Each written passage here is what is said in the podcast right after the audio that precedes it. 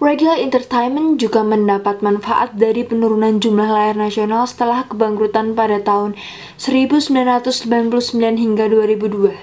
Miliarder telekomunikasi Prip Aventuch membeli Regal Entertainment dari kebangkrutan dalam kemitraan dengan pakaian sekuritas tertekan Oaktree Capital Management, tak lama sebelum publik penawaran saham. Mereka juga telah memperoleh sirkuit United Artists dan Edward dan sepotong sirkuit Hoyt. Rumah investasi Tejas Securities memperkirakan bahwa dari tahun 1996 hingga 1999, lima peserta pameran pada saat itu adalah AMC Entertainment, Charmax Cinemas, Cinemark USA, Louis Plex, dan Regal memompa 4 miliar dolar ke dalam pengeluaran modal yang utamanya membuka 5.325 layar. Pertumbuhan layar Amerika Serikat rata-rata 7,5% per tahun dari 1995 hingga 2000 yang dipercepat dari tingkat pertumbuhan tahunan sebesar 3,2% dari 1990 hingga 1995. Sementara jumlah layar meningkat. Kehadiran bioskop tumbuhannya 2,4% per tahun dari 1990 hingga 1999 yang berarti tingkat penjualan tertinggal di belakang peningkatan layar pada akhir tahun 1900-an. Meski demikian, box office berada pada jalur pertumbuhan setelah meningkat dari 5,3 miliar dolar pada 1995 menjadi 10,2 miliar dolar pada tahun 2011. Struktur pameran dua tingkat telah memudar sejak tahun 1970-an dengan bom di gedung teater yang mendirikan teater modern di daerah-daerah terpencil. Ledakan bangunan menyebabkan rilis yang semakin luas oleh distributor film yang memfokuskan iklan besar pada pemutaran perdana. Akibatnya, film-film besar sekarang terbuka di mana-mana pada saat yang bersamaan. Dalam beberapa tahun terakhir, Pasar tersegmentasi oleh teater pertama dan kedua dalam sistem yang lama. Rilis cetakan pertama kali pergi ke teater pusat kota dan kemudian cetakan yang sama digunakan minggu kemudian oleh teater terpencil kedua. Salah satu dampak dari tren megaplex adalah fasilitasnya seperti suara digital, layar lebar, dan tempat duduk stadion semakin dipandang sebagai keharusan untuk setiap layar. Hingga pertengahan 1990-an, multiplex cenderung memiliki dua tingkat kemewahan. Operator multiplex di era ini mungkin dapat memakai dua atau empat auditorium utama dengan kemewahan tinggi, sementara empat layar atau lebih yang tersisa akan jarang ditunjuk. Peserta pameran mengeluh bahwa permintaan penonton untuk kemewahan seragam suara digital, layar lebar, konfigurasi lantai stadion tempat duduk, dan kursi mewah dengan pemegang cuping membuat teater setidaknya dua kali lebih mahal untuk membangun seperti beberapa tahun sebelumnya. Booming akhir 1990-an dan Bash berikut sebagian besar dihasilkan dari invasi oleh investasi dari perusahaan ekuitas swasta yang memompa pameran dengan kesibukan investasi. Pakaian ekuitas swasta membeli bisnis yang ada dengan tujuan meningkatkan nilai mereka untuk dijual kembali dalam 3 hingga 5 tahun. Pakaian ekuitas swasta biasanya menginvestasikan sejumlah kecil modal mereka untuk membeli perusahaan dan menambah modal itu dengan pinjaman besar-besaran. Pinjaman meningkatkan pengembalian modal dasar mereka ketika aset dijual tetapi memuat perusahaan dengan utang yang dapat menghancurkannya. Ketika tingkat pertumbuhan untuk pendapatan box office tertinggal di belakang peningkatan dalam penghitungan layar, struktur modal yang sangat besar dari para peserta pameran yang diakuisisi oleh para ekuitas swasta tidak dapat dipertahankan. Arus kas mereka tidak dapat membayar hutang. Paku terakhir di peti mati datang ketika penjualan tiket agregat jatuh pada tahun 2003. Dalam beberapa dekade terakhir, peserta pameran berusaha untuk melarang penawaran buta, di mana distributor memesan film yang tidak terlihat. Bioskop mampu meyakinkan sebagian besar negara bagian untuk mewajibkan distributor mengadakan pemutaran film untuk perdagangan sebelum membeli lisensi kepada peserta pameran. Selain itu, ilegal bagi distributor yang terlihat dalam pemesanan blok, membuat penjualan film yang diinginkan tergantung pada pembeli juga membeli film yang tidak diinginkan. Berdasarkan apa yang disebut dekret persetujuan tertinggi 1948 dalam presiden lain. Peraturan persaingan saat diberlakukan bukan obat mujarab bagi teater kecil yang mencari akses ke film studio besar. pada distributor menginginkan film-film mereka di bioskop-bioskop dengan pendapatan tertinggi dan jaringan teater besar memiliki kekuatan finansial untuk mengalahkan teater-teater indie. Industri perfilman Amerika Serikat memasang perlawanan yang sudah berjalan lama terhadap mandat pemerintah yang mahal untuk mengakomodasi para penonton film dengan disabilitas, terutama ketika tuntunan pemerintah federal berarti merobohkan infrastruktur yang ada dengan sangat baik. Dorongan pemerintah menyangkut memperbesar tempat duduk untuk pelanggan kursi roda membangun jalur akses kursi roda, menurunkan counter box office, menurunkan counter stand konsensi, menyediakan kamar mandi yang dapat diakses oleh para penyandang cacat, menurunkan air mancur minum, dan menyediakan transmisi teks dan peralatan tertutup untuk para turarungu. Pertempuran utama adalah lebih dari interpretasi dan implementasi judul tiga dari Amerika dengan Disabilities Act of 1990 sering disebut oleh akronim ADA, misalnya AMC Entertainment melawan gugatan Departemen Kehakiman Amerika Serikat selama lebih dari satu dekade yang menyatakan bahwa tempat duduk stadion AMC yang populer di kalangan penonton bioskop melanggar ADA sehubungan dengan pemandangan yang sebanding dengan layar. AMC akhirnya mencapai kesepakatan penyelesaian pada tahun 2010. Studio besar Enam studio besar Hollywood yang ternama dikritik karena tidak bersifat pribadi, cerdik, mengepalkan ketat, dan tidak mau berubah seiring waktu. Kutipan di atas yang mendukung sudut pandang ini adalah perpisahan dari sutradara Prancis yang terkenal dengan mogul Hollywood Daryl F. Zanuck. Kenyataannya adalah bahwa jurusan-jurusan Hollywood adalah pengocok dunia dalam bisnis. Tidak ada orang lain yang dekat bahkan dari jarak dekat. Jadi mereka harus melakukan sesuatu dengan benar. Untuk semua hal tentang ketidakfleksibelan, jurusan berubah seiring dengan waktu, sebagaimana diputihkan dengan merangkul format video DVD dan masuk ke bisnis video on demand. Enam mulia yang telah menjadi raksasa Hollywood abadi sejak tahun 1930-an adalah Walt Disney Studio, Sony Picture, Columbia Picture, Paramount Picture, 20th Century Fox, Universal Picture, dan Warner Bros. Keenamnya merupakan seluruh keanggotaan motion picture, kelompok perdagangan Asosiasi Amerika MPAA. Selama beberapa dekade, Metro Goldwyn Mayer adalah mayor ketujuh, tetapi menurunkan distribusi setelah dijual pada 2005 ke sebuah konsorsium. Dan dari kebangkrutan pada akhir 2010, pendapatan enam jurusan di seluruh dunia dari distribusi film fitur ke semua media berjumlah sekitar 44 miliar dolar dalam pendapatan film global. Berdasarkan pendapatan yang dilaporkan, jurusan ketika menyertakan afiliasi indie style, mereka bertanggung jawab atas pasar utama box office studio domestik pada pertengahan hingga rendah 90% untuk Amerika Serikat pada tahun normal. Sisa poin presentasi, pangga pasar terfragmentasi di antara para independen yang bukan merupakan afiliasi studio besar. Yang menggambarkan karakteristik penting dari bisnis film Amerika Serikat ada beberapa perusahaan film menengah. Pada suatu waktu, Orient Picture, tarian dengan Wolf dan The Silent of the Lambs, dan produser A Picture Carol Picture, Basic Instinct dan Terminator 2 Hari Penghakiman adalah pemain kelas menengah yang lumayan tetapi mereka jatuh dalam kebangkrutan pada tahun 1991 dan 1995 masing-masing. Tidak mengherankan jika jalan tengahnya berbahaya, karena bisnis film dapat modal dengan ayunan yang tidak terduga, baik turun maupun narik. Ukuran besar diperlukan untuk keluar dari bisnis finansial dan siklus endemik ke bisnis. Melihat lebih dekat ke studio-studio itu, lima besar jurusan Hollywood masing-masing memiliki bobot lebih dari 4,9 miliar dolar per tahun. Selama bertahun-tahun, Paramount adalah studio terkecil dengan margin lebar tetapi peningkatan investasi menutup celah ini.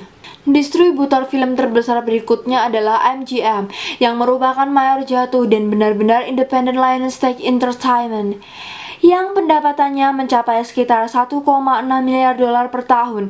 DreamWorks Animation SKG juga besar, sekitar 700 juta dolar per tahun dalam pendapatan perusahaan. Film-filmnya telah didistribusikan oleh Paramount yang mencakup total box office DreamWorks Animation. Gambaran singkatnya, meskipun pekerjaannya sedikit dipahami, bahkan di dalam industri film, jurusan pada dasarnya adalah bank dan mesin distribusi, yang pengaruh ekonominya berasal dari perpustakaan film mereka, memiliki fasilitas produk fisik tidak kritis, dan tidak ada studio beroperasi dengan daftar permanen, bakat bintang. Seperti pada era keemasan 1930-an, jurusan kontrak untuk bakat produksi dengan tumpukan uang mereka menciptakan film-film baru di tempat yang merupakan bisnis dengan laba rendah untuk mengisi kembali perpustakaan film mereka. Yang perizinannya ke outlet TV dan penjualan DVD adalah bisnis dengan laba tinggi. Sebagai bank, jurusan memiliki sumber daya keuangan untuk membuat atau memperoleh film tanpa pre-sales.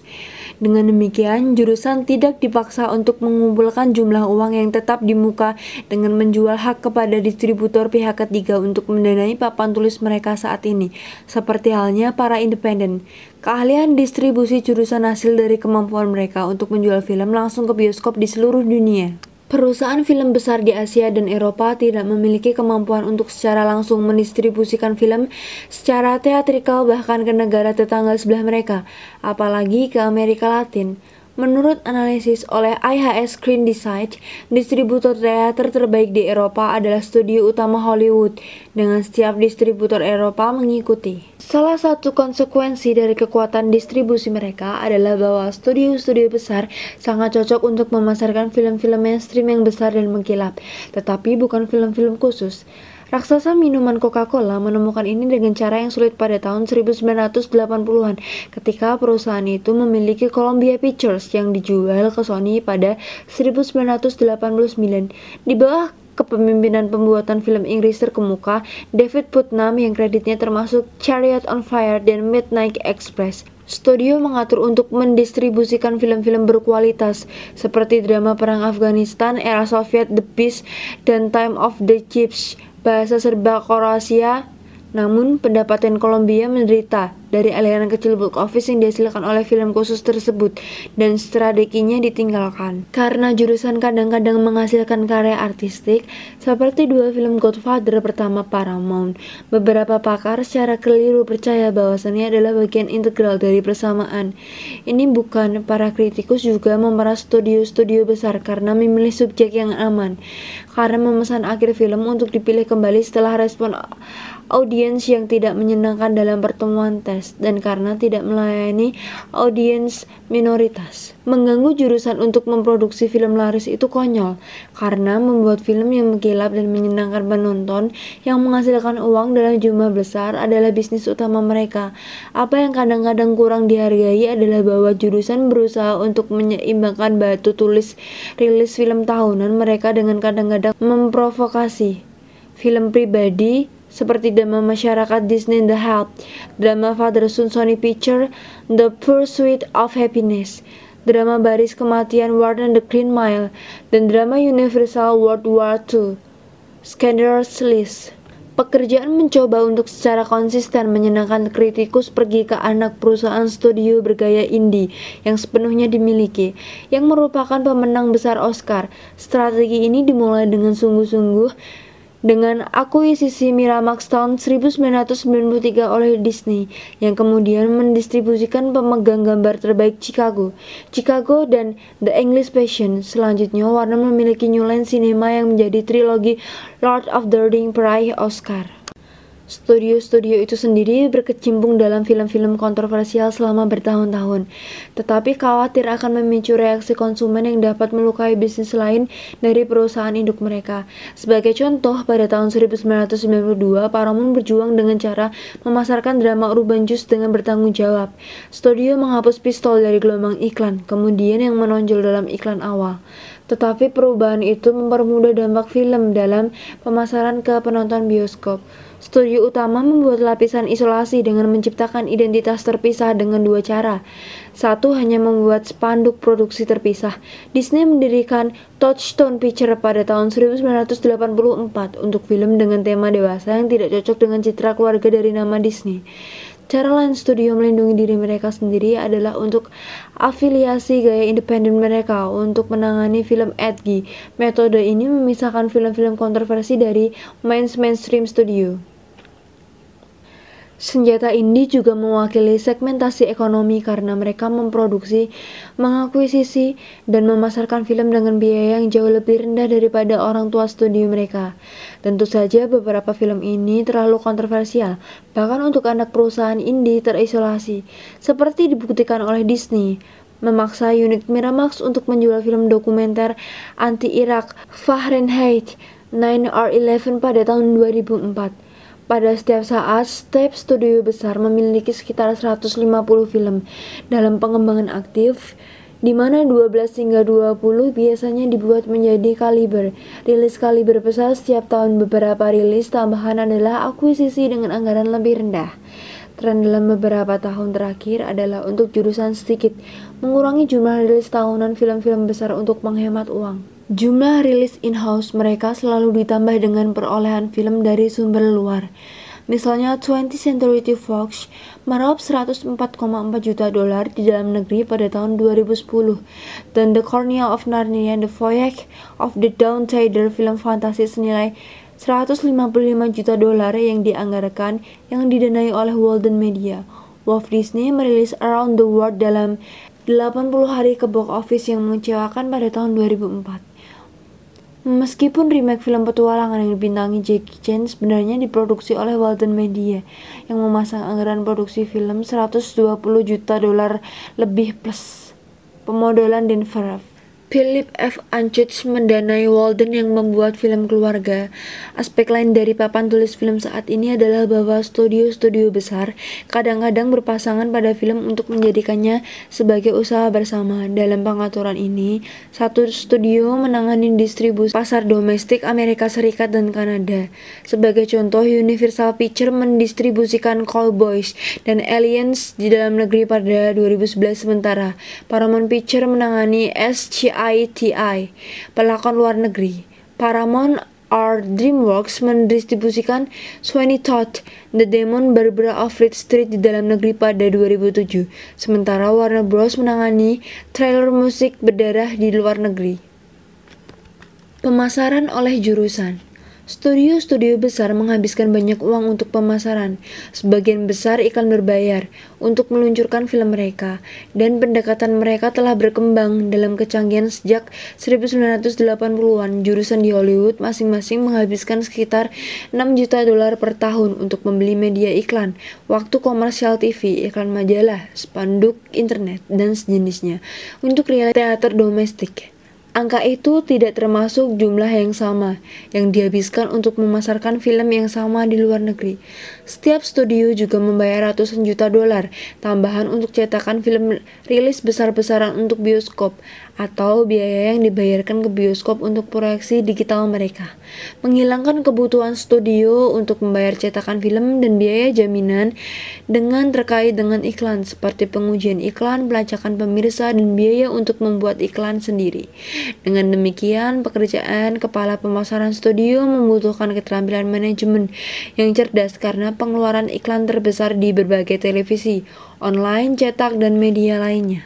Warna kulit suite eksekutif di studio-studio besar mulai berubah secara radikal pada tahun 1980-an karena pertimbangan pemasaran. Untuk pertama kalinya, pekerjaan studio top pergi ke eksekutif dengan latar belakang di televisi. Distribusi film mereka yang memberi lisensi film ke bioskop dan pemasaran. Eksekutif televisi membawa rasa disiplin dari mentalitas spreadsheet mereka untuk menimbang biaya program televisi versus potensi pendapatan iklan dan periode waktu yang dimaksud program. Makeover eksekutif shoot pada tahun 1980-an juga mencerminkan pentingnya keahlian distribusi dalam manajemen karena penjualan ke televisi dan video menjadi penghasilan pendapatan yang penting. Sebelum tahun 1980-an, bos studio selalu datang dari bisnis film dengan latar belakang dalam produksi pengembangan film dan keuangan, eksekutif produksi, dan pengembangan menampilkan mentalitas penggali sungai dengan memilih film berdasarkan insting usus dan percaya bahwa blockbuster selalu ada di ujung jalan. Dalam contoh eksekutif dengan latar belakang non-tradisional yang mengisi suite eksekutif di studio, mantan Cocai, Warner Bros, Bob Daly, dan Terry Samuel yang mengelola studio selama dua dekade pada tahun 1980-an dan 1990-an. Naik dari karir distribusi teater dan televisi jaringan masing-masing mantan kepala perusahaan Disney, Michael Fenster dan Taipan Media saat ini, Barry Diller beralih dari pekerjaan program televisi ke menjalankan Paramount Picture bersama-sama dari pertengahan 1970-an hingga pertengahan 1980-an. Almarhum Brandon Tartikoff yang secara singkat menjabat sebagai ketua Paramount dari tahun 1991 hingga 1992, memulai karirnya di promosi stasiun televisi lokal dan kemudian bergabung dalam pemrograman jaringan. Juga di era ini mantan kepala Paramount dan MGM Frank Mancuso dan mantan ketua Universal Pictures Robert Rehme naik pangkat. Dari pekerjaan distribusi teater, ketua Walt Disney Studio Richard Chuk menghabiskan sebagian besar karirnya di bidang distribusi dan juga bekerja di televisi. Amham dan Steele yang adalah kepala produksi di Kolombia datang dari promosi dan latar belakang barang-barang berlisensi. Baru-baru ini dalam perombakan 2009 di Universal Pictures, kepala pemasaran Adam Vogelson diangkat menjadi ketua, menjadikannya eksekutif puncak studio. Vogelson bekerja di pemasaran film untuk orang-orang independen sebelum bergabung dengan studio besar. Di tempat lain, kepala pemasaran 20th Century Fox, Aaron Eviv memegang pemasaran atas Disney dari tahun 2000 hingga 2006 dan menambahkan pekerjaan pembuatan film top pada tahun 2004. Dia adalah mantan eksekutif agensi iklan dan gagasan bahwa seorang eksekutif pemasaran juga akan mengembangkan dan mengawasi film produksi seperti yang dilakukan Eviv tidak akan terpikirkan seperempat abad sebelumnya. Robert Feitman, ketua Landscape Motion Picture Group, sebelumnya memegang pekerjaan studio di senior Warner Bros. dan Paramount. Setelah memulai publitas film, Walt Disney Studio adalah yang pertama memberi eksekutif dengan latar belakang di dunia maya.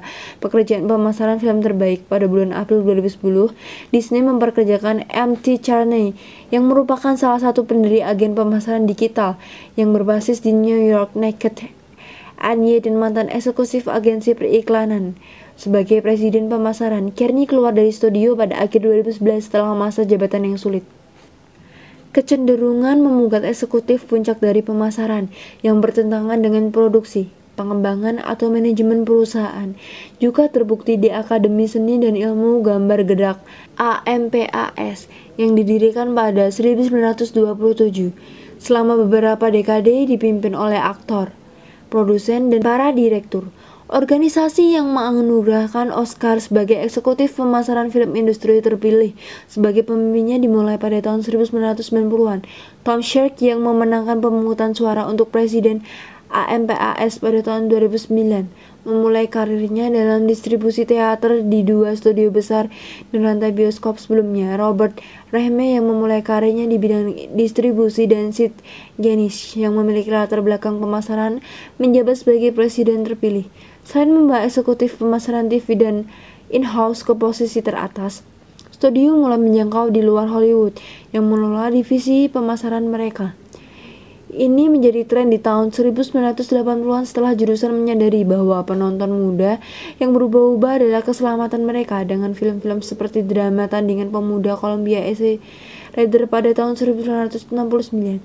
Dan setelah eksekutif pemasaran film buatan sendiri tidak siap untuk memasarkan konsumen yang kompleks di antara orang luar dalam gelombang pertama adalah Peter Selly yang melompat dari Coca-Cola ke Columbia Pictures pada tahun 1983 tak lama setelah pemasar minuman membeli studio. Hari ini ia adalah anggota dewan di beberapa perusahaan teknologi Silicon Valley dan asisten profesor pemasaran di Claremont Graduate University. Studio lain nanti merekrut eksekutif dari raksasa komestik Revlon dari berbagai agen periklanan Madison Avenue. Di Hollywood hari ini, eksekutif pemasaran menggunakan kekuatan nyata yang tidak terpikirkan beberapa dekade yang lalu. Mereka meminta pendapat mereka tentang potensi box office untuk film dalam pengembangan. Dengan demikian, mereka mempertimbangkan keputusan tentang apa akan membuat proyek atau tidak pada tahap awal. Pemasaran dalam distribusi menjadi lebih penting karena kecepatan distribusi film semakin cepat. Melalui 1980-an, film menghabiskan berbulan-bulan dalam rilis teater, tetapi sekarang mereka sering hanya bisnis 6 minggu di bioskop. Waktu antara rilis teater film dan peluncuran video DVD berikutnya menurun dari 5,7 bulan pada tahun 2003 menjadi sekitar 4 bulan pada tahun 2008.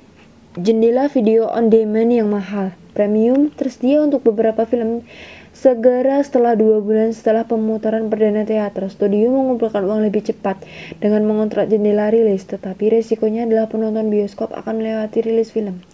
Sementara itu, teater menekan distributor untuk menjaga interval yang sehat, prospek memiliki rilis teater simultan dan peluncuran DVD kadang-kadang dinaikkan, tetapi itu pasti akan melukai jendela rilis khusus bioskop di mana pengalaman menonton bersama menciptakan kegembiraan yang tidak diduplikasi oleh menonton di rumah. Jendela teater adalah salah satu yang paling berharga bagi Hollywood karena hanya satu penonton bioskop yang melihat per tiket. Yang tidak demikian halnya dengan presentasi DVD dan TV yang dapat ditonton kelompok ekonomi dan sejarah terbaru, tujuan utama dari studio-studio besar adalah untuk mendistribusikan film-film yang menguntungkan. Jika film-film tersebut menarik jenaka dan merangsang pemikiran dan memenangkan penghargaan, itu hanya seluk-beluk kue, tapi bukan perhatian pertama. Studio menginginkan film yang kreatif mungkin tanpa mengorbankan pemasaran. Setiap studio besar adalah bagian dari konglomerat media yang lebih besar, yang tujuan utamanya adalah menyampaikan memompa keuntungan bagi pemegang saham, sementara menekan untuk memberikan laba kuartalan yang baik. Konglomerat juga merupakan penghalang keamanan karena kekuatan finansial mereka yang besar, melindungi studio dari keruntuhan keuangan karena satu atau hanya beberapa kegagalan film. Keberhasilan atau kegagalan besar mendorong harga saham konglomerat induk. Apakah itu rezeki nomplok dari Avatar atau 70 juta dolar write-off yang diderita Disney akibat bom Mars Need Moms. Disney meraup hanya 21,4 juta dolar di box office domestik setelah pemutaran perdana di film animasi keluarga Maret 2011. Mars membutuhkan Moms yang biayanya diperkirakan 150 juta dolar untuk diproduksi. Dasar-dasar keuangan jurusan adalah perpustakaan film mereka hingga 6000 film. Masing-masing membentang beberapa dekade dan tidak termasuk film non-studio yang diperoleh selama bertahun-tahun. Setiap perpustakaan film membuang ratusan